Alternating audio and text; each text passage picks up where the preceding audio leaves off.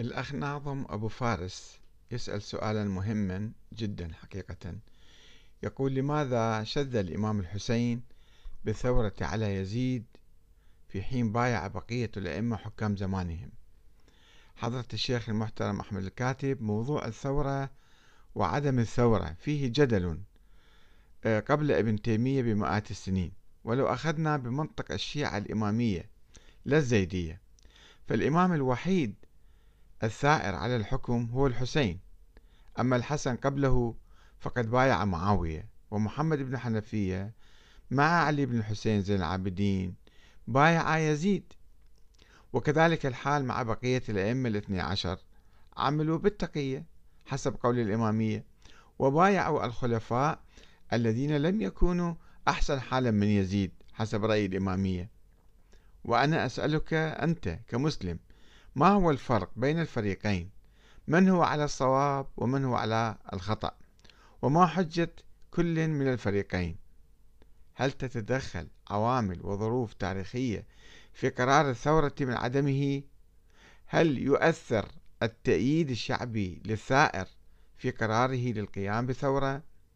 هل نعتبر ثورة الحسين هي القاعدة؟ ومهادنة بقية الأئمة الاثني عشر للخلفاء هو الشذوذ أم بالعكس وآسف للإطالة. في الحقيقة الأخ ناظم أم فارس هو يجاوب على سؤاله نفسه.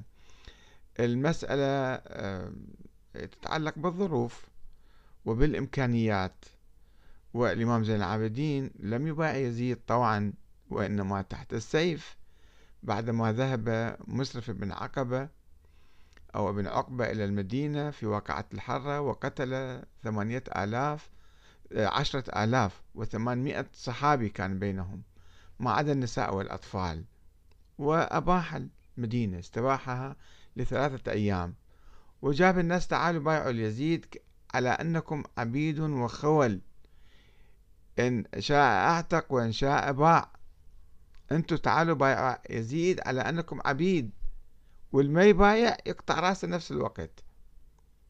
فالإمام زين العابدين رأى أنه يعني مجبر للبيعة بيعك بالإكرام واحد يحمل عليك مسدس تعال مثلا قول كذا أو أعمل كذا. هذه ليست بيعة شرعية.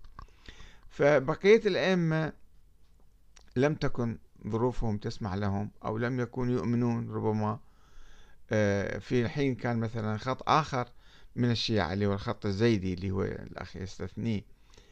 آه، الخط الزيدي العام أبناء الحسن وحتى أبناء الحسين بعضهم. كانوا يعدون للثورة أو كانوا يقومون بثورات عديدة حسب الظروف اللي تسمح لهم كانوا يثورون. بعضهم ثار علنا وبعضهم ظل معارضا بصورة سرية متخفيا ويعارض الحكم العباسي مثلا. إلى أن أتيحت له الفرصة أو أتيحت لبعضهم الخروج والقيام بثورات. إنما المبدأ العام هو العودة للناس.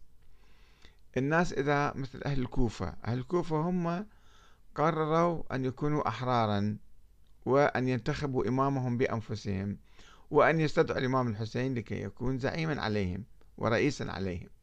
فالمسألة متعلقة بالطرفين وليس بالشخص وحده.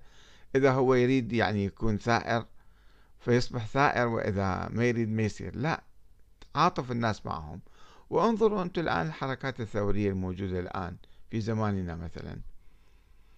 الإمام الخميني عندما تحدى الشاه وثار عليه بعد أن خرجت الجماهير الإيرانية في الشوارع بالملايين وهو استجاب لهم ويعني هو طبعا كان يحرضهم في البداية. يعني في بعض القادة والزعماء هو أساسا لا يؤمن بالثورة ولا بالتغيير ولا بكذا.